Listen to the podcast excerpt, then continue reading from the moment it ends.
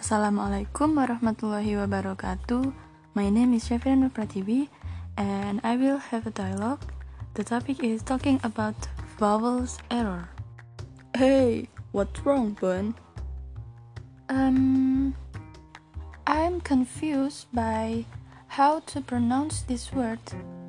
At first, this word looks the same, but when I remember my teacher read it very differently but I forget it. Okay, I will try to help you. Sure, babe. Let's start. We call this vowel. There's vowel E, E, and E. For today, we will pronounce this vowel. You may get confused, but if you practice to pronounce it a lot, we will know the difference. Um, you are right. I need to practice a lot every day. Yup. Okay, let's start with the tongue twister game. These games are very fun.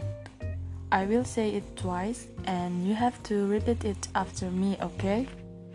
Um, okay, I got it. Check, check, check. I check my check and check. Okay, now your turn. Okay. I check my cheek and check. Um, I think I pronounced it wrong. Can you repeat it once more? It's okay. I will read it slowly for you. Okay. I check my check and check.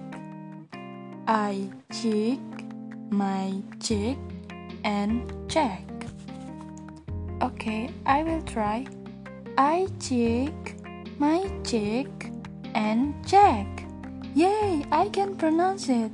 Thank you.